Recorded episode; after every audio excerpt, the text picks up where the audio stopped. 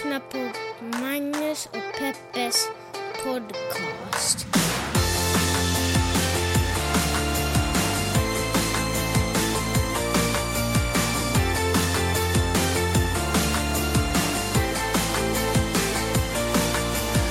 Hej internet! Hjärtligt välkomna hoppas att ni känner er till podcasten som heter Magnus och Peppes podcast. En liten podcast där vi pratar om stora och små händelser i världen. Och så gör vi det typ ur ett journalistiskt, feministiskt eller lite mediegranskande perspektiv. Och jag hoppas såklart att ni mår bra där ute, att ni inte visar några symptom, eh, att ni inte är sjuka, att, eh, ja, och att solen kanske skiner på er och att ni, ja, att ni har en ganska bra arbetssituation. Det skulle vara kul också förstås. Eh, och är det så att ni är hemma eh, av eget val, typ, eller något liknande, så hoppas jag att ni har det skönt och trevligt. För att personligen, min personliga erfarenhet av att vara hemma hela tiden med barn eh, och så är inte så kul. Är det? Nej. Till och med katterna har börjat flippa. Men- Lyssna, det där är katten i bakgrunden. Vad jobbigt för dem att vi alla är hemma hela tiden. Katterna, ja, de är vana vid sin eh, fritid när, när vi glider ut på våra äventyr. De bara tjas, gå. Ja, exakt. Hur mår du Peppe? Ja men eh, jag mår bra. Har du fått, eh, har du fått, har du blivit sjuk? Alltså jag är så otroligt snuvig. Ja, du är det? Ja. Okej, eh, med anledning av det så är jag inne nu på cdc.gov, alltså vad heter det? Center for Disease Control and Prevention. Det är alltså Folkhälsoministeriet, eller myndigheten i USA kan man säga. Vet du vad, du får inte säga Folkhälsoministeriet för att jag fick en kommentar om att det låter som om någonting ur Harry Potter. Okej, Folkhälsomyndigheten. Här har de ett eh, self-check eh, liksom alternativ så man kan kolla sig själv. Så då ska vi se här, jag ska bara agree här. Okej, ehm, where are you located? United States eller outside the US? Inside the US. Bra. Where in the United States are you located? California. Bra. Stämmer. Jag ska dessutom skriva Los Angeles County för det var ett alternativ. Eh, are you ill or caring for someone who is ill? Yes. Jo, du är ju fl- flunsig. Men jag carar ju inte för någon nej, som nej. är illa. Or. Jaha, okej, okej. Bra. Oh, wait. What? Okej, bra. Are you answering for yourself? Nej, jag am answering for someone else. Eh, och du är mellan... Man får inte säga... Okej.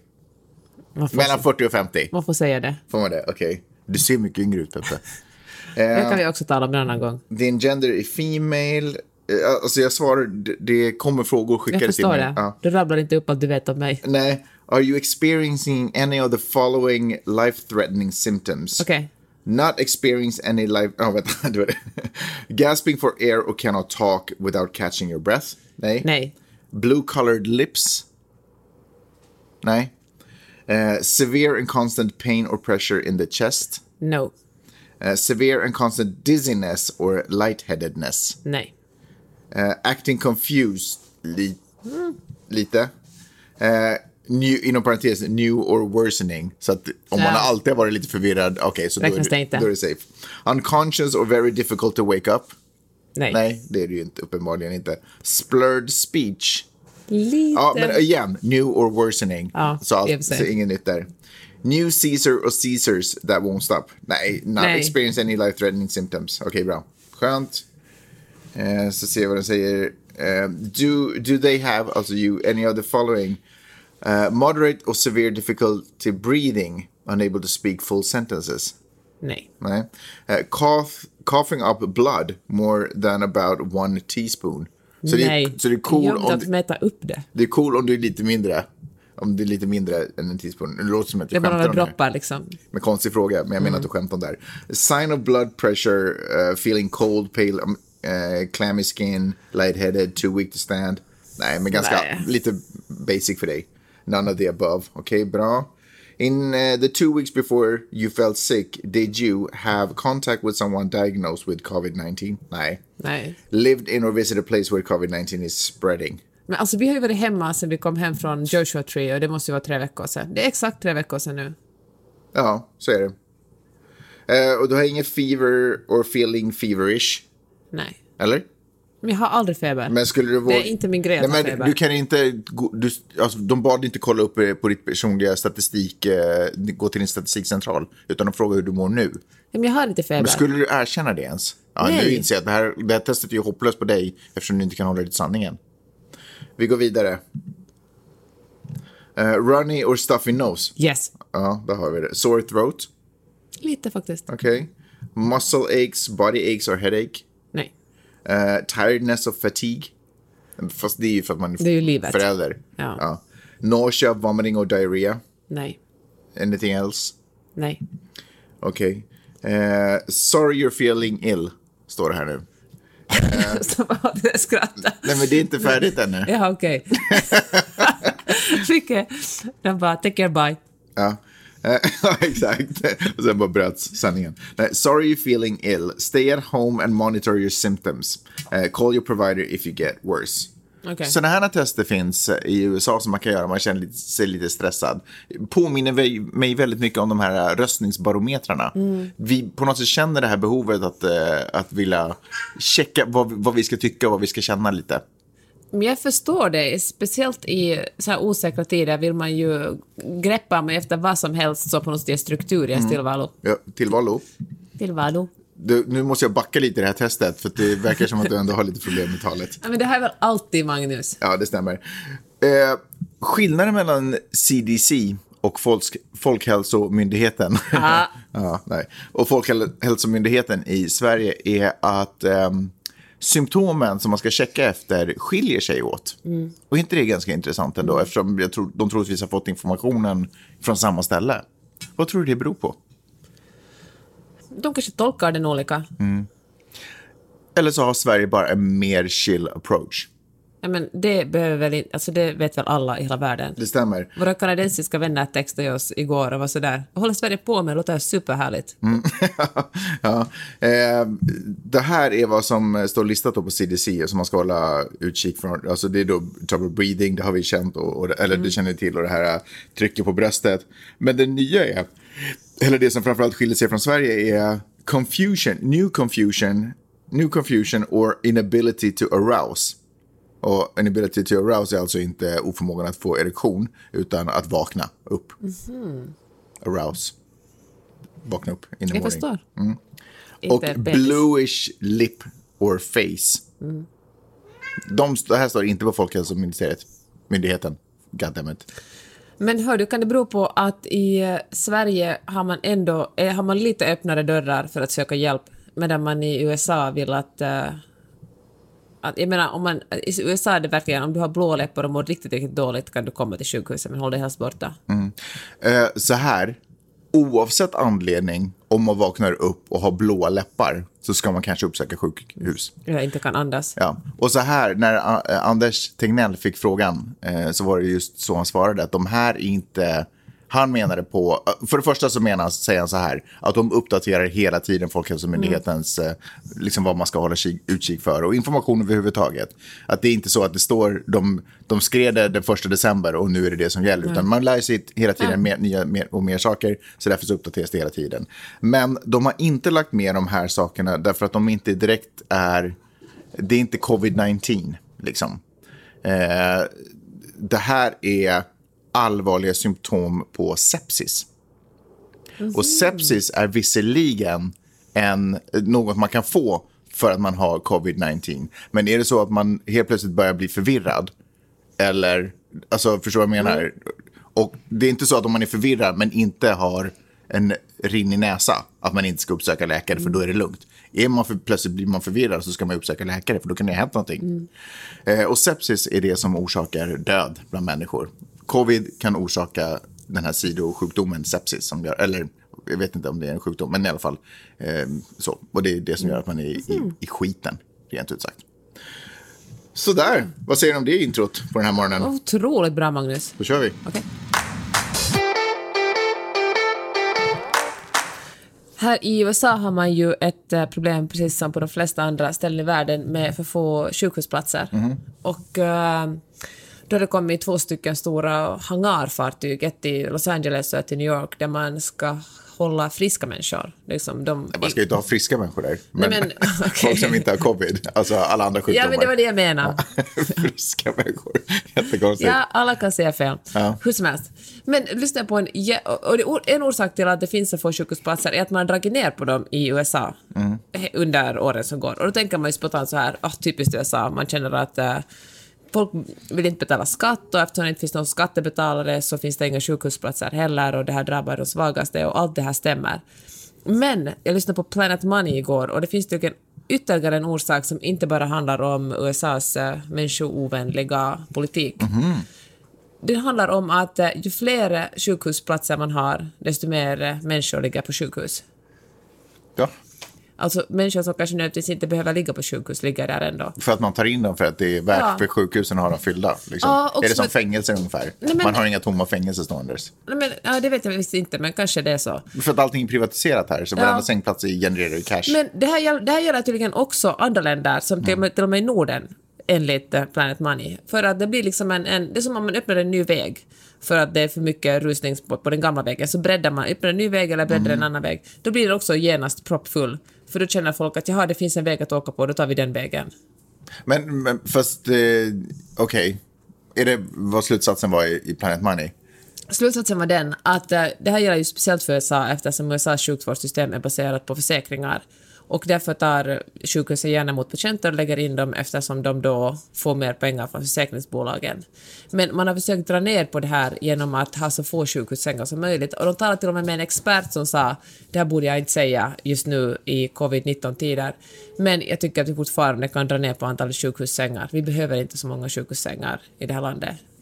M- Med anledning av krisen? Eller? Nej, absolut inte med Men anledning, sen när bara krisen, generellt. när krisen är över Ja. så kommer vi ändå vara tvungna att börja skära ner. Nu behöver man ju extra platser.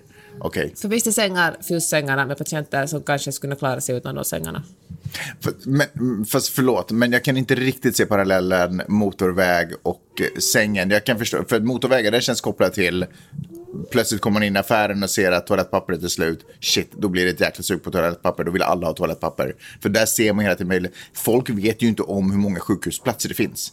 Där måste det handla om vilka som administrerar in folk Ja, men det är det det handlar om. Det handlar liksom inte om patienterna som insisterar för att få ligga på sjukhus, Nej. utan det handlar om att läkare då helt enkelt, delvis försäkringsbolagen, delvis en, en psykologisk bakomliggande orsak, man liksom fyller sängarna.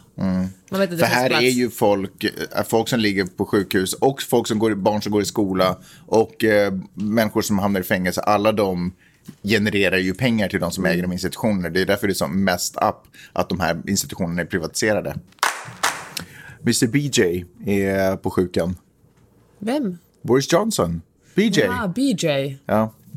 Han, eh, han åkte in på sjukhuset för att... Bojo. Bojo.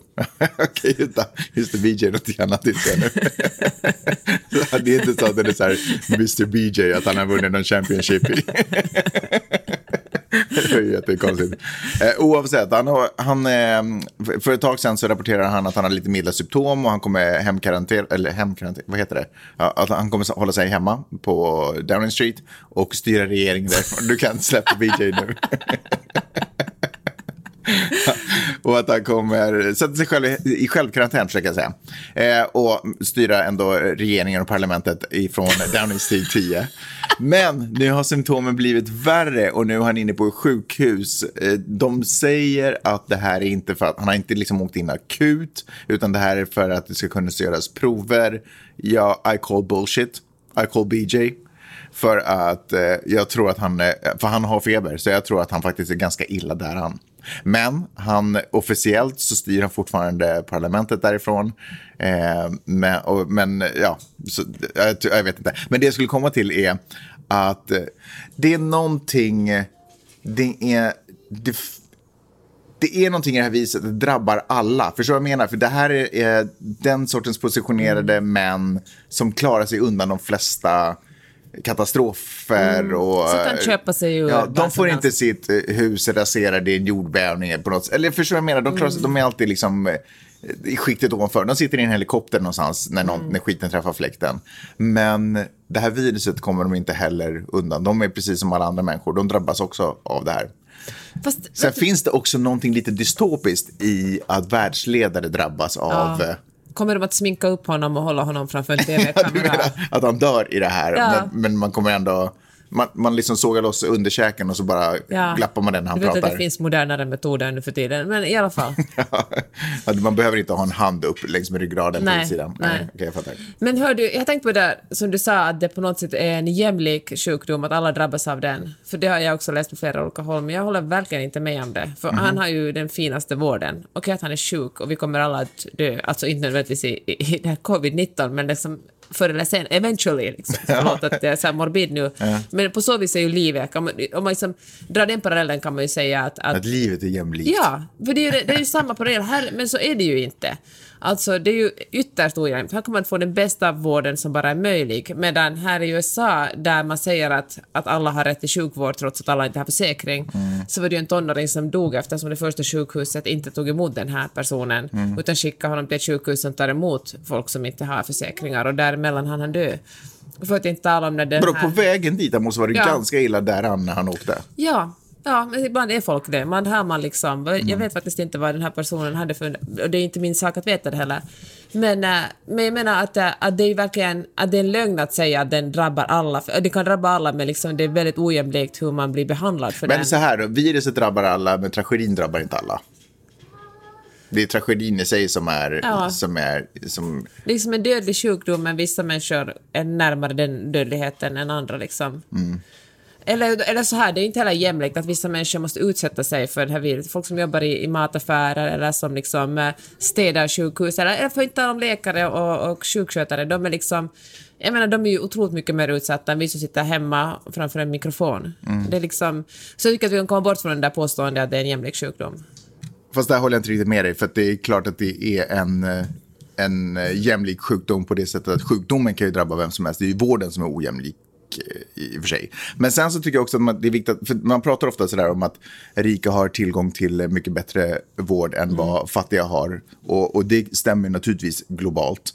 Men i västvärlden så är jag nog ganska säker på att det är ganska likvärdig vård. Det är naturligtvis rika har möjligheter att flyga och uppsöka experter och, och ha råd, och framförallt i USA där med tanke på hur sjukvården är uppbyggd, har råd att ha vissa prover i förhållande till andra prover som kanske är mycket dyrare och, och är man fattig så kanske man måste göra en avvägning av vilka prover man vill ta eller inte ta och så förstås. Men den generella medicinska kunskapen om hur man, den är ju inte liksom den är inte reserverad för rika människor, den är ju allmän bland i hela Ja, men sjukvården. kortare köer till exempel, man har snabbare tillgång. Ja, för man kan ju naturligtvis, precis, Men men, det är ju menar- tillgång till vården som det handlar om. I Sverige till exempel så spelar det ju inte så stor roll om du är rik eller fattig. Speciellt inte om det kommer till hur man ska bli botad för, från covid, för den informationen är ganska allmän på alla Men också sorts själva sjukhus. sjukvården är ju bara en liten del av det här. Jag tänker på alla de här, eh, till exempel de här säsongjordbrukarna, säsongimmigranter som kommer för att jobba på, på jordbruken i Kalifornien, Mm. som bor 14 stycken personer i en tvårummare och liksom har omöjligt att socialt distansera sig, eller fysiskt distansera sig från varandra och därför Mm. såklart alla smittar varandra. Mm-hmm. Eller de här människorna som inte kanske har eh, möjlighet att vara borta från jobbet. Eftersom vet, de förlorar de en dags inkomst och den dagens inkomst är viktigare än att kolla om man verkligen är sjuk, som söker hjälp först när det är liksom nästan för sent. Jag menar, Mm. Nej men så är det, men det handlar ju om tillgång till vård naturligtvis, därför att det här systemet eh, är orättvist. Det problemet har man till sen exempel inte i just i Skandinavien. Sverige så skrev ju, men vad heter hon den där, uh, som skrev uh, uh, egenmäktigt förfarande, Lena Andersson, hon skrev till exempel hon åkte till Finland för att söka vård eftersom den svenska sjukvården var så Överbelastad. Ja. Så jag menar, det är ju, alltså jag säger ju att Sverige och Finland och Norden är ju tusen gånger bättre än USA, men det är ju också ett system, det är ju inget klockrent system där det är bara att, att promenera in och be om vård där heller. Nej, det är, och speciellt inte när sjukvården är överbelastad. Men där ska jag nog ändå säga att det, skillnaden mellan att vara rik och fattig där är inte riktigt lika problematisk som det är i det här Men landet. gud, herregud, det har väl ingen Nej, nej, nej, påstått. men när vi pratar om, om huruvida det är ett jämlikt vir, eller en jämlik sjukdom eller inte så måste du säga att den drabbar nog vem som helst, rik som fattig. Och faktum är att den har ju drabbat mer rika, i, åtminstone i inledningsfasen. Va? Därför det är ju de som har varit på de här skidorterna och dragit på sig alla de här sjukdomarna. Ja, men det kommer ju att spridas till alla. 100 procent, så är det ju förstås. Ehm, precis, men det är ju vården som är, problem, eh, liksom, som är ojämlik. Eller systemet som är, som är orättvist. Bland annat i USA. Det finns Ja. ju en massa andra olika orsaker till att om man inte har ett jättestort hus att bo i utan man verkligen delar rum med en massa andra människor eller har ett yrke som är ett serviceyrke och du tiden träffar andra människor, du är såklart mer utsatt. Så är det. En konsekvens av att ha bott här nu i snart sju år, ganska exakt sju år, är insikten om hur enormt stort det här landet är. Eh, jag har märkt, och det har ju förstås kommit smygande så jag har inte sett liksom, exakt när gränsdragningen gjordes, men till exempel så när, när jag bodde i, i Sverige, Finland eller liksom i Norden så, så, vad heter det, så var det väldigt lätt att tänka USA. Du vet, när man pratar om USA, då pratar man om USA som ett enda land. Du vet. Eh, om presidenten tyckte någonting eller om, man, eller om man läste om någon rolig lag som fanns i USA, då var det på något sätt som att hela, hela landet representerades av, av just den lagen, vad det nu kunde ha varit. Jag kommer att det var något dumt att man får inte putsas på en bro eller någonting. Det var någon delstat som hade något sånt, eller kanske någon stat, eh, eller vad säger jag, eller någon stad som hade det. Men, men nu när man har bott här så inser man ju då liksom hur stort det här landet är och så inser man också hur eh, att det, är liksom, att det är ju en federation. Det är liksom uppbyggda stater. Det är ju inte ett land, utan det är ju som Europeiska unionen förstås. Så jag förstår att det här är självklart för er. Men det blir tydligt när man till exempel pratar med vänner hemma nu. Eh, som säger, Åh, hur är det där i USA till exempel? Jag hörde att man får eh, 5 000 dollar i böter om man är ute och går. Man, Vad fan har du fått det här ifrån? Och så går man in i nyheterna och läser, jaha, det är något motsvarande i Chicago eller något liknande eller vad det nu kan vara som man har hotat med det. Och det inser man, aha, shit, eller hur lätt det är att dra någonting man snappar upp från någon obskyr plats eller vad det nu kan vara, någon freaky regel och liknande. Och så blir liksom hela landet förknippat med, eller hela, ja, hela federationen förknippat med just den lilla företeelsen. Fast Kalifornien som delstat är ju till ett egentligen eget styre. Eh, och skiljer sig ju otroligt mycket från till exempel vad som pågår i Florida eller på östkusten överhuvudtaget. Eh, så det tyckte jag var en liten intressant tanke. Att man måste verkligen sådär, det är som att säga, åh jag hörde att det är 120 000 smittade där i Sverige. Eh, nej, det är Italien. Alltså det, förstår du vad jag menar? Jag så det tycker jag är intressant. Ja, och ett annat sätt som det här landet är uppdelat är inte bara geografiskt utan också rent politiskt. Ja. Man har kunnat se att äh, de demokratiska staterna, alltså främst kuststater och där folk, äh, ja men det finns de stora städerna där folk Mm. röstar på demokraterna, de var ganska snabba med att stänga ner. Där satt man, nere, där satt man inne i sitt hem och, och tryckte och, och, och, och idkade social distancing, Mhm. medan folk var ute och dansade på stränderna i Florida. Mhm. Och, äh, och äh, det här samtidigt har Trumps popularitet bara stigit. Man tycker att han skö- sköter det här jättebra. Och, äh, I de republikanska sta- eh, s- på platserna. Faktiskt i hela landet, Okej. men, äh, men främst, alltså, men hans liksom, republikanska stöd har också varit starkare än någonsin. Mhm. Och, äh, men nu småningom börjar de republikanska staterna också stänga ner en efter en. Det finns väl någon enstaka delstat där man ändå får gå ut, men de flesta börjar långsamt. De är inte lika drabbade eftersom det, avstånden är längre och, och liksom, det har bara tagit längre för det här viruset att, att smyga in sig i de här, det som man kallar flyover states, liksom mitt i landet. Men det ska bli intressant att se hur, äh, hur, äh, först var de otroligt motsträviga. Det tycker jag är intressant också med, med liksom många med republikaner, hashtag inte alla republikaner, men hur de verkligen inte tycker att någon ska komma och säga dem hur de ska göra, men ändå gillar de ganska mycket någonting som en lite totalitär president. Hur menar du? Nej, men de tycker inte om att myndigheterna ska komma och säga dem när de ska stänga ner sin butik eller de får gå ut eller inte gå Nej. ut. Men samtidigt beundrar de en liksom väldigt, väldigt stark chef. Jaha, en stark ledare. Ja, jag det är tycker- sant. Hur går det ihop? Jag vet inte, det jag vet inte, en intressant kontrast. I alla fall. En, en, en ledare som kräver deras totala lydnad nästan också. Ja, men myndigheterna ska inte blanda sig i deras liv. Men det handlar väl om att de har fått välja själv. Alltså, ja, vad underligt. Ja, vad konstigt. Ja, ja. Ja. Men, äh, men det ska bli intressant att se tycker jag, för de här, äh, för republikan, de här som röda staterna i mitten har liksom inte brytt sig så jättemycket om, om coronaviruset än så länge. Men de ligger ju också efter i utvecklingen. Så det ska bli otroligt intressant att se hur äh, Trumps popularitet ser ut. Är han, är han ännu kvar på rekordsiffror om, om tre veckor? när folk har stängt ner sina, sina restauranger och butiker också i, i de röda staterna. Folk verkligen börjar smittas och det är ganska långt till sjukhusen. Jag vet liksom inte hur, de är inte ofta, många av de här staterna är inte speciellt rika som till exempel då Kalifornien och, och, eh, och New York som kanske därför har mer möjlighet till sjukvårdsplatser och så de också håller på att gå under. Men de här staterna som, ja, men som, som är ganska fattiga och kanske inte alls har kapacitet att, att ta emot ta emot liksom de sjuka. Hur folk kommer att reagera på det kommer man ändå att se att Trump som en väldigt stark person som kommer att leda dem ur krisen, Mm. eller kommer det att bli hans fall inför presidentvalet? För det kommer att drabba folk både, liksom, både, både fysiskt och ekonomiskt. Jag är också nyfiken på och kanske lite oroad över hur eh, Florida kommer liksom drabbas och hur det kommer ta sig ur allt det här. Eftersom det är också en delstat som in, alltså har väldigt hög, eller alltså äldre människor bor i den delstaten. Alltså lite som alltså USAs Italien. Kan jag Ja. känna. Så hur Fast kommer, det var väl lite fräckt mot, mot, mot, Italien vilken, ändå. mot vad? Mot vem var det fräckt? Eh, eh, för den guvernören var ju också väldigt långsam med att eh, göra någonting och dra in regler. Men det där var otroligt intressant du sa, att, att republikaner som inte är för eller som inte vill att någon ska tala om för vad de, vad de får göra och inte och är väldigt mycket freedom och allt sånt och, och tillgång till vapen. Eh, ändå vill ha en stark eh, ledare.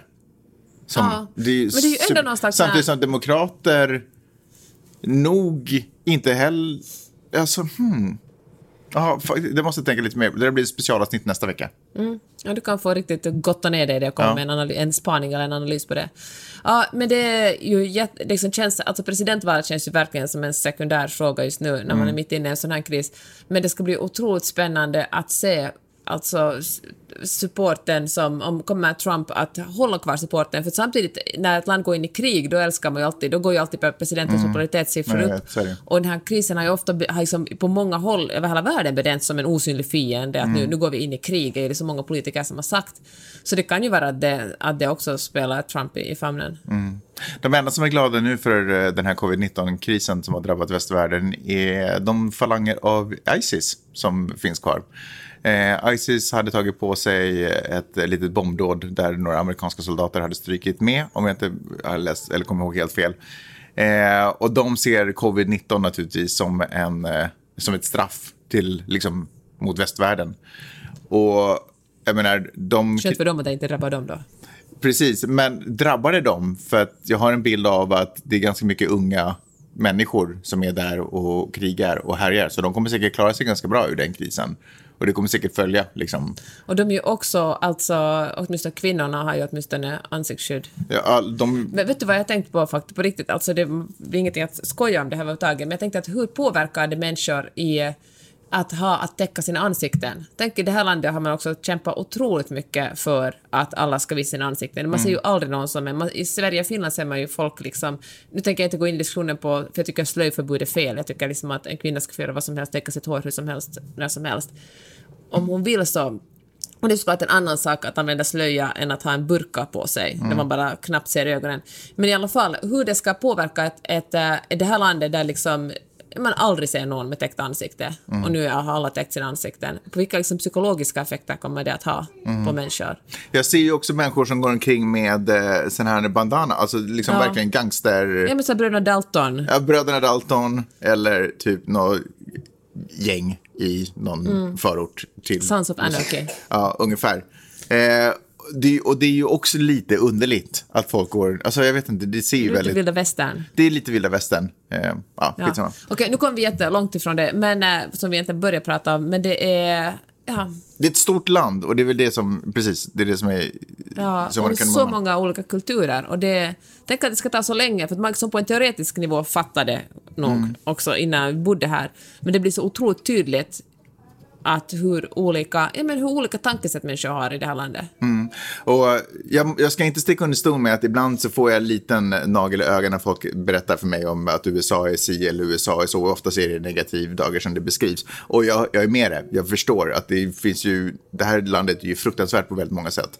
Men just på grund av dess storlek och på grund av dess mångfald och variation från stat, delstat till stat, kust till kust, politiskt, eh, vad det än kan vara, eh, bara etniciteter som bor inom de här liksom, gränserna, så finns ju det är så otroligt mycket fantastiska och magiska saker här också. Det, det var ju någon som sa att det innehåller verkligen allt, all världens dumhet och all världens klokhet finns ju på något sätt samlad här innan.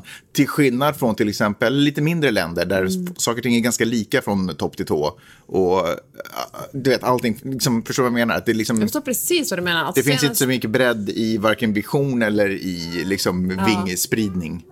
Senast förra veckan var det någon som skrev en fråga på min blogg och frågade att, att om du, eftersom du kritiserar det amerikanska systemet så mycket, hur kommer det sig att du kan bo i ett land då? Jag skulle aldrig bo i ett land där jag är så, tycker så olika som det politiska systemet.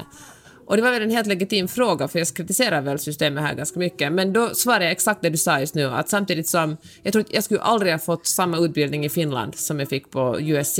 Alltså det finns så otroligt smarta människor här, så otroligt kreativa och så otroligt dumma och vidriga människor. Det här som finns verkligen hela spektret på allting. Men den frågan är ju också lite konstig för det betyder att de personer, alltså det var ju inte så att jag älskade allting med Sverige och hur det styrdes när jag bodde där heller eller älskade allting med hur Finland styrdes eller de, de eh, främlingsfientliga vågor som, fly, som blåser igenom där med jämna mellanrum. Alltså man får ju ta det onda med det goda, det är väl det man ju alltid gör mm. på något sätt. Och så känner jag just nu lite med USA, så här som med sin egen familj. Jag får kritisera familjen hur mycket som helst, men om någon annan kommer då blir jag sur. Ja, den, den där är du lite ensam Kung Karl XVI Gustav höll ett tal till nationen i, i Sverige. Då förstås är det jättekonstigt att någon annan nation han höll ett tal för. Fast man vet aldrig. I sändningen kan det ha gått fel, den kan bli hijackad. Helt plötsligt håller han ett tal för Serbien. Om det finns en ja. sån stat fortfarande. Ehm, och samtidigt så, nästan samtidigt, så höll ju Queen Elizabeth också ett tal to the Commonwealth. Eh, hörde du något av dem? Nej, jag såg det hända men jag lyssnade. Varför var du inte intresserad? Hur kan det här inte liksom ha varit ja, superintressant att följa? Jag är varken svensk eller britt så jag känner mig Nej, men inte... det är ju fortfarande liksom... Jag känner mig inte som i målgruppen. Royalties känner att de måste ge sin professionella input eh, på läget. Och vadå svensk eller britt? Lyssnade du på när Finlands president höll tal till nationen då? Okej, okay, inte Hur kan du inte vara intresserad av det här? Det förvånar mig otroligt mycket. För du, alltså, du är ju annars nog intresserad av samhällsutvecklingar och... Men det är just därför att det inte är det. Det är liksom, det är som att läsa en ganska ointressant opinionstext. Vad ska de säga? Alltså kungen och drottningen och fan inte ens Finlands president. Ska, det är väl folk som är, jag vet inte, som är, känner sig otrygga och vill uh, höra någon slags patriark eller matriarks lugnande ord. Peppe, jag vet vad ditt problem är. Du har ingen själ. Och när jag säger själ så menar jag du har ingen folksjäl. För kommer ihåg att vi för, ett tidigare, eh, för ett, några tidigare avsnitt sen eh, pratade om liksom, vad är svenskt mm. ungefär och lite så. Och jag tror att där så representerar ju våra patriarker och matriarker, de har ju en del i den representationen av vad som är folksjälen från, den, från det land eller från den kultur man mm. upplever att man, man kommer ifrån. Och, och när, när på något sätt patriarken i i det som ska representera min, min historia som jag på något sätt svär mig till. Eh, så när, när den patriarken pratar, då, då är det fan som Fantomen, då lyssnar man. Så är det bara. Punkt slut. Nej, skitsamma, jag skojar mycket. Men kan vi ändå ta och titta lite då på, om vi nu ser de här som, eh, som eh, ja, men representanter, patriark och matriark för, för ändå någon form av ja, folksjäl. Mm. Kult, kulturell folksjäl. Eh, det som Queen Elizabeth, det som eh, på något sätt kom ut av hennes tal var att, och så är det ju, så är det ju alltid nästan i England, att England will prevail, ungefär. Ja.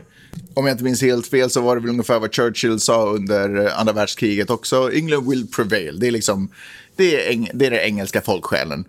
Den svenska kungen, han var mer att du är inte ensam. Kom ihåg att liksom, vi måste alla ta ansvar och kom ihåg att du inte är ensam. En otroligt mycket mjukare eh, för, ett mjukare förhållningssätt. Och jag tycker att det här beskriver, jag vet inte hur mycket det beskriver England, för jag är inte engelsman, jag känner inte till den själen så bra. Men, men åtminstone det svenska, det, alltså, är det inte ganska fint ändå, om du hör det på det sättet? Och det hade varit otroligt intressant att höra, synd att du inte känner till det, eh, hur till exempel Finlands president pratade, i vilka termer eh, hen pratade om. För jag tror att just de här, de här stora ledarna... Sauli Niinistö hette han. Ja, vad säger jag då? Hen, som vi inte ens visste att det var en kvinna. Gud vad konstigt. nu, hur, vilka termer eh, han pratar eh, om. För jag mm. tycker att det här, om man någonsin undrar... Tycker att det avspeglar... Hundra procent. För det är ju Nationen. Nationen och den, den folksjäl som vi pratar om. Att mm. Vad innebär det att vara svensk? Men här hör ni. Lyssna på när kungen pratar. Om ni någonsin undrar vad det innebär att vara svensk, då det handlar om att du är inte ensam. Och det är exakt, alltså det är Det var ju väldigt det. fint. Men hör du, det slog mig en sak när du sa att jag inte hade en folksjäl, för det har jag verkligen inte. Det är samma sak för mig som när du säger att du inte kan tycka att hundvalpar är söta. Du tycker att de är Ja, men du kan inte förstå på en teoretisk nivå att Alltså, folk vill kan- gulla med dem. Jag kan se, nej, jag kan inte ens förstå på en teoretisk nivå. Jag har ju lärt mig att det är så man beter sig. Det är som när autistiska människor försöker kopiera det verkliga livet, ungefär. Ja, men så känner jag med folksjälen. Jag, jag känner verkligen ingenting. Du kan inte relatera till... eh, Jag kan förstå det, alltså då är jag ett steg längre än du och hundvalpar. Jag kan liksom förstå att folk brinner för sitt land och att jag kan förstå att, att man har kämpat, alltså ens, eh, mina mor och farföräldrar stred för Finland under vinterkriget eller liksom Fast, fast Men- vänta nu, fast det där tror jag är viktigt att man gör skillnader. För man pratar om att strida för Finland och det låter ju helt absurt. För det känns som att man håller på att strida för några, från några otydbara gränser som varken betyder bu eller bä om de är en meter hit eller en meter ditåt. Men det är ju inte för det man strider. Man strider ju inte för landgränserna. Man strider ju för ett ideal, ett system, en, en, ett tankesätt om hur, hur vi vill be- behandla varandra. Det är ju det man strider för. För det är ju det man har jobbat upp. Det är ju det som är värt att kämpa för. Det system som vi har arbetat upp Får ge det, det var bra sagt. Och jag tycker att det är ett superbra system både i Finland och Sverige. Jag kan verkligen, ja men, bra länder. Så glad över att jag är född där. Ändå, om någon, om någon alltså brinner jag, alltså jag känner verkligen inte ändå den där patriotismen. Mm. För det är ju det som jag också tror gör att alla amerikaner kan ställa sig bakom en president när, när presidenten har sålt in att USA är hotat. Det är ju inte att någon någonsin kommer vara orolig för att USA kommer bli invaderat av en annan makt. Det, det går ju liksom inte på något sätt. Men man, det man upplever är hotat är idealet som alla har, som väldigt många som bor i det här landet har flytt ifrån, nämligen vi, vi är här och vi är fria. Någon slags, ja, hittepåfrihet. För vi kommer från platser, eller våra mor och farföräldrar kommer från platser där, vi in, där, vår, Hade frihet, där vår ja. frihet blev inskränkt. Och nu ska vi, och vare sig det berodde av ekonomiska möjligheter eller om det var en annan makt som tog över det landet, så är det det som nu är vår folksjäl i det här landet. Och det är därför det är så otroligt viktigt. Och det är därför det är värt att kämpa för. Och det är därför man ställer sig bakom en president Ja. som säger att nu är det det vi kämpar för. För det är ju alltid det de säger. Our freedom är hotad. Eller det är den vi Mm. Ja. är, liksom och bekämpar. Nej, men jag förstår det. Alltså, jag förstår det, men jag kanske inte känner inte... Jag känner inte att jag måste kasta mig in och försvara Finland eller Sverige. Men du kanske delen. måste eh, researcha lite på vad det är som är Finlands folksjäl. Så då kanske du känner en koppling till Men det mer. vet du vad? Jag tror faktiskt att det är det det handlar om. Jag tror att det är min finlandssvenskhet det handlar om. För jag känner verkligen inte att... eh, jag tycker att Kalevala är superfint, men det, jag har ändå liksom en, en, ett avstånd från det. Jag, liksom, många finska traditioner, fin, alltså det finska Finland är ju ändå det som är dominerande i Finland är väldigt långt ifrån de traditioner jag har firat som finlandssvensk hemma. Jag menar, och sen känner jag faktiskt inte heller en, en liksom brinnande finlandssvenskhet. Jag tycker att det är lite... Alltså, det kan till och med bli lite så cringe ibland. Kanske för att det är så litet också. Jag är liksom stolt över att vara finlandssvensk. Nej, fan det är inte heller. Kanske, jag är finlandssvensk, det är ingenting jag skäms över, men det är ingenting som är sådär och jag är finlandssvensk. Alltså, Alltså, vem är du, Peppe? ja, det är ju det.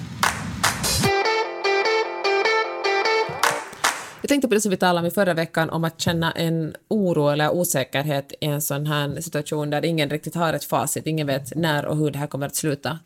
Och eh, förra veckan talade vi om att man verkligen inte måste läsa nyheter en gång i timmen, att antalet döda inte ger en... Ja, men det finns ingen orsak som kommer att göra ens liv bättre att veta exakt hur många som har dött idag eller igår. Ja, man lär sig ingenting av det. Det för inte, mina, det för inte mitt beslutsfattande framåt. Nej, och det är också svårt eftersom vi inte har, liksom, det är svårt att kunna som lekman att sätta det i ett sammanhang.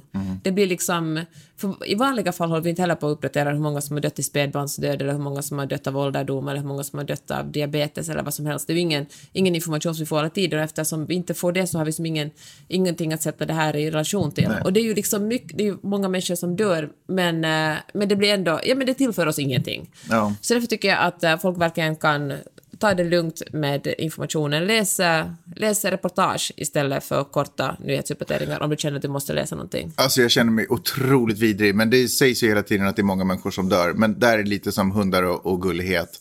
Jag får bara inte riktigt ihop det. Alltså jag förstår att människor, en del människor är personligt drabbade av det här på ett tragiskt sätt. Men jag kan fortfarande inte få in det i mitt huvud att det skulle vara många som dör. Fast du vet, världen rämnar, så känner jag inte riktigt det. Nej, no, ja, det är... Nej, Det får stå för mig. Det får stå för dig. Uh, jag tycker det också, man ska vara så otroligt försiktig med exakt vad man säger, för folk är rädda och, och känsliga i de här tiderna och då vill ingen... Ja, men då tror jag att folk lättare också misstolkar saker som man säger, så det är viktigt att, att vara försiktig. Och, eh, och, och, och det är respektfullt också med att vara försiktig vad man säger och hur man uttrycker sig.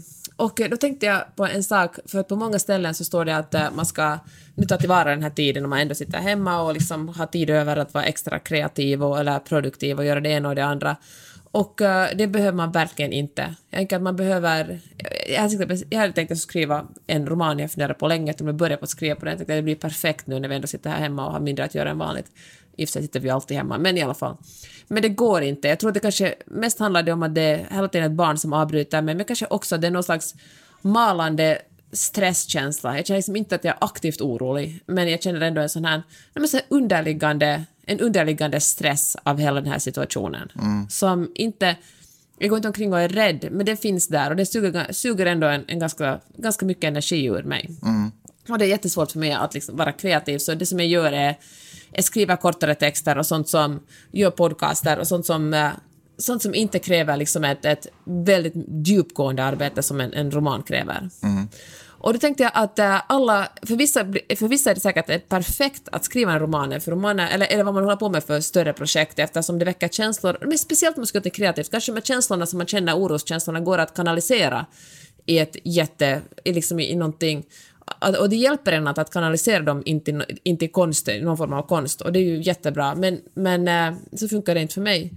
Och jag tänker att då, jag tänker då måste man ha en... Äh, folk, och folk reagerar olika. Vissa skriver romanen, andra skriver inte den. Vissa, speciellt mycket killar, hanterar sin ångest genom att göra diagram som lägger ut på Facebook och uh, Twitter. Folk som aldrig liksom, som aldrig tagit ordet uh, epidemiolog i sin mun tidigare lägger nu ut diagram där de förklarar vilken strategi som är bäst. Är det Sveriges? Är det Italiens? Mm. Är det Kinas? Är det mm. Sydkoreas? Och då kommer man till att börja med beundra dem för deras självförtroende, att de bara kan glida in och förklara för världen hur de ska hantera en sån här smitta. Men, och, eller så kan man skratta åt dem, eller så kan man bara vara så här, jaha, det här är deras sätt att hantera den här osäkerheten och ångesten. Mm. För dem är det lugnande att liksom tro att de vet hur man ska försöker räkna ut hur det här ska ja. gå. Ja. Så jag tänkte att de här tiderna måste vi alla ha liksom lite överseende med varandra, för att äh, de flesta reagerar som de gör på grund av, äh, ja, men på grund av osäkerheten. Mm. Ja, det här kan ju vara, alltså min, äh, mitt förhållningssätt att sådär, nästan lite apatiskt ungefär, obrytt. Ja. Det kan ju också vara ett sätt att hantera en stress och en oro. Att jag liksom bara stänger ja. av stänger av det där och försöker bara flyta med. Eh, för, för jag kan nog känna att alltså min, min stress, min, inte oro, men min, det som tar, så här, det, min energitjuv ligger ju i det faktum att det, ingenting är normalt. Det tar energi av mig. För att jag måste, jag är väldigt mycket ett vanedjur. Jag tycker om att göra saker på ett visst sätt för då då flyter det på lättare. Jag blir bra på att göra dem på det sättet och sen så börjar det gå mycket snabbare och smidigare. Mm. Men eftersom nu ingenting är normalt så måste jag hela tiden eh, uppfinna hjulet och det tar bara, känns som jättemycket energi. Och också energin av att vänta på att det kommer gå över. Mm. Och sen när man får dåliga nyheter eller dåliga rubriker eh, som tyder på att det här inte kommer ta slut så blir liksom också det en energitjuv mm. på något sätt. Men jag kan, inte på något, jag kan inte förhålla mig till något annat sätt än att jag måste bara eller jag kan inte lösa det på något annat sätt än att jag bara måste försöka slappna av och rulla med det faktum att det här är skiten nu. Och jag tänker att om fem år är det i alla fall över. men sådär, det är ditt slutdatum? Nej, men jag, jag, 2025? Nej, det är inte mitt slutdatum. Men det är på något sätt sådär, jag tar i lite i överkant och så känner jag sådär, okej, okay, du vet, om ett tag så görs det filmer och så läser man om det här och så kommer det dokumentärer om vad var det som egentligen gick fel. Och då är ja. det här long gone, liksom. Då ja. sitter man och tittar tillbaka på det och så kanske man kollar igenom sitt sitt instaflöde och ser människor i mask och så tänker man just det, det var så det var på den Herregud, tiden. vilken sjuk tid. Men förstår du vad jag menar?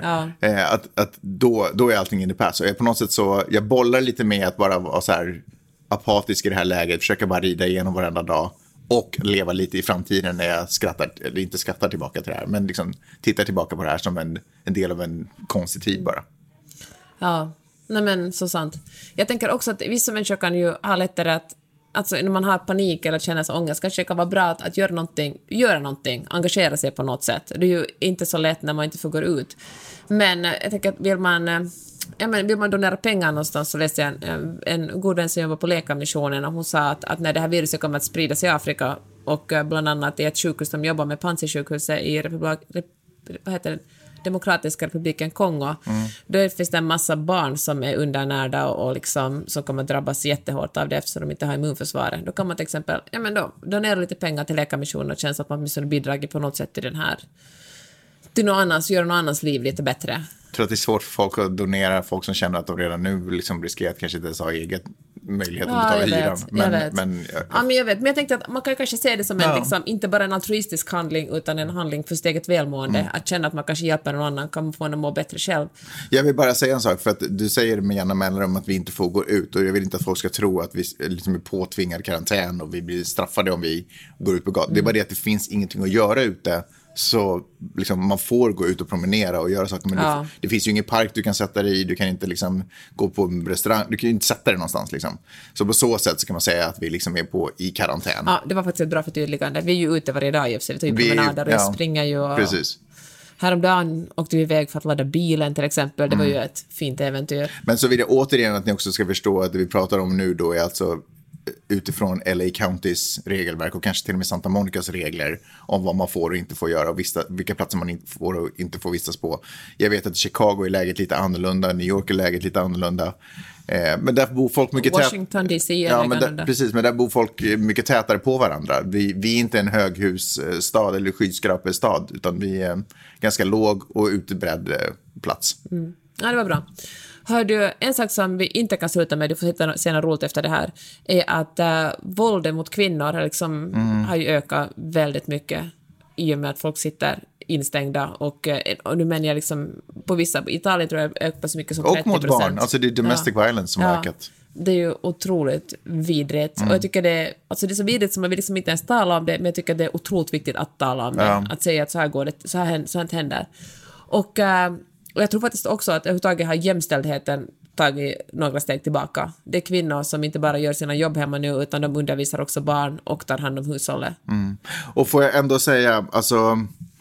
Eh, och det här är verkligen, jag, jag vet inte, jag vill verkligen få ut det, men det är ju verkligen bara min personliga åsikt och det är inte baserat på fakta och statistik och sådana saker. Men när vi pratar just om dödsfall och sånt av covid-19 så kan jag ändå känna att de här konsekvenserna som de här reglerna för att vi är så otroligt rädda för att få det här viruset har skap, skapar mycket mer eh, tragedier. Just i form av eh, eh våld i hemmet och eh, folk som blir av med jobbet och depressioner och, och allt sånt. De, de konsekvenserna är liksom för mig, alltså, för, eh, alltså de åtgärder man har gjort i samhället för att människor som ändå till största delen inte egentligen löper någon risk att dö. För jag antar att det är dödsångesten som är den drivande faktorn här. Men eftersom ändå trots allt majoriteten av alla människor inte löper någon risk eller försvinnande liten risk att dö så upplever jag ändå att de, de åtgärder man har gjort för att skydda de människorna, oss, har mycket värre andra konsekvenser. I That's just Texas har man ju börjat stänga ner eh, abortkliniker, de sista som finns kvar där. Ja. Eftersom man hävdar att eh, de platserna behövs för folk som är sjuka i covid-19. Det där är ju svårt att inte argumentera emot, men det är ju väldigt liksom, det är inte, lätt, det är inte svårt att bli cynisk heller och tänka att nu passar folk på. Det måste jag ändå säga, att jag tyckte ändå det var lite underligt att, eh, att regeringen, vad heter det, försökte få igenom ett lagförslag som skulle ge någon större beslutande makt i Sverige också. Det tycker jag var lite konstigt, det känns väldigt osvenskt. What the heck, alltså vad är... Man passar på nu. Nej men så är det ju på riktigt. I så här osäkra tider passar man på att Men det känns, som en, det känns som en move mer av Donald Trumps stab. Förstår du vad jag menar? Alltså, jag kan inte riktigt se. Jag fattar att, i, att man vill kanske förkorta beslutsfattande vägen. Men Sverige är ju inte de som har gjort de snabba rycken ändå. Liksom. Nej. Jag tycker att det som är ett problem är att det är svårt att gå tillbaka efter att man gjort Det är det. sån... Man måste ju verkligen vara försiktig med... Mm.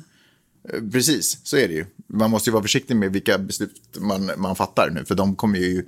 Det är ju de besluten som kommer eka i Mm. efter. Viruset kommer vara borta om ett tag. Mm. Men det är alla beslut som vi har fattat under den här tiden, det är de som kommer Mm. echo in eternity. Ja, ja, kanske inte in eternity, Jo. men för en tid. Eternity. Eternityd. Ja, är vi klara? Ja. Tack för att ni har lyssnat. Är det slut nu? Ja. Ska inte vi sluta med något lite roligare än så här? Vet du vad, en grej som, jag har ingen haha-rolig grej. Men eh, när vi nu ändå är inne på covid och virus och alltihopa. så läste jag, och jag fattar, siffror kan ändras. Men det här är ändå faktiskt en ljusglimt som jag väntat på. Nämligen att färre intensivvårdas i USA, eller förlåt, eh, i Italien nu. Och det är ju faktiskt en riktning åt rätt håll. För jag har väntat på de här goda nyheterna för att jag känner att det är, det, det är någonting som vi i västvärlden behöver, är de här goda nyheterna. Gud, som man suktar efter Ja, dem. för allting har ju liksom bara, vi har inte nått piken, vi har inte nått piken, vi har inte nått piken. Men det känns som att i, i Italien så kom den första goda nyheten nu, nämligen att färre intensivvårdas, vilket betyder att antingen har de dessvärre dött av eller så har folk liksom tillfrisknat eh, mer än vad folk nu har. Eh, och de här, återigen, siffror som kommer att ändras och som säkert inte ens är aktuella nu när jag säger dem, men av 120 000 bekräftade cases så är 22 000 nu tillfrisknade. För när man pratar om de här casesarna så pratar man ju om liksom från början till dags dato. Så de är ju alltid otroligt höga. Men på den här, under den här tiden så tillfrisknar också folk. Och man får liksom inte riktigt glömma det, att det är en jättestor andel som har tillfrisknat. Det, det man förstås vill ha är ju fler tillfrisknande än nya fall. Det är ju naturligtvis det som är eh, liksom andra sidan av, av krönet, eller vad heter det, hörnet. Men eh, ja, så är det. Det var den positiva lilla vinkel jag hade. Ja, men det är bra. Man nöjer sig med det lilla i dessa tider. Man får lov att göra det, hörru. Eh, Tack för att ni har lyssnat, hörni. super, super tack. Supertack för att ni lyssnade. Så fint att ni är med ända till slutet Ja, också. ni är mer än till slutet. Eh, och eh, jag är så otroligt stolt. Bra, skicka gärna in frågor, magnuspeppersnabelagmail.com. Eh, synpunkter, det är kul. Ibland så skrivs det lite kommentarer på din eh, blogg. Har, har folk skrivit någonting förresten på din blogg? Har du någon... eh, folk kommenterar mest din mustasch. Ja, det var konstigt. Ehm, bra, vi hörs om en vecka då. Det gör vi. Ha det Hej bra, hej!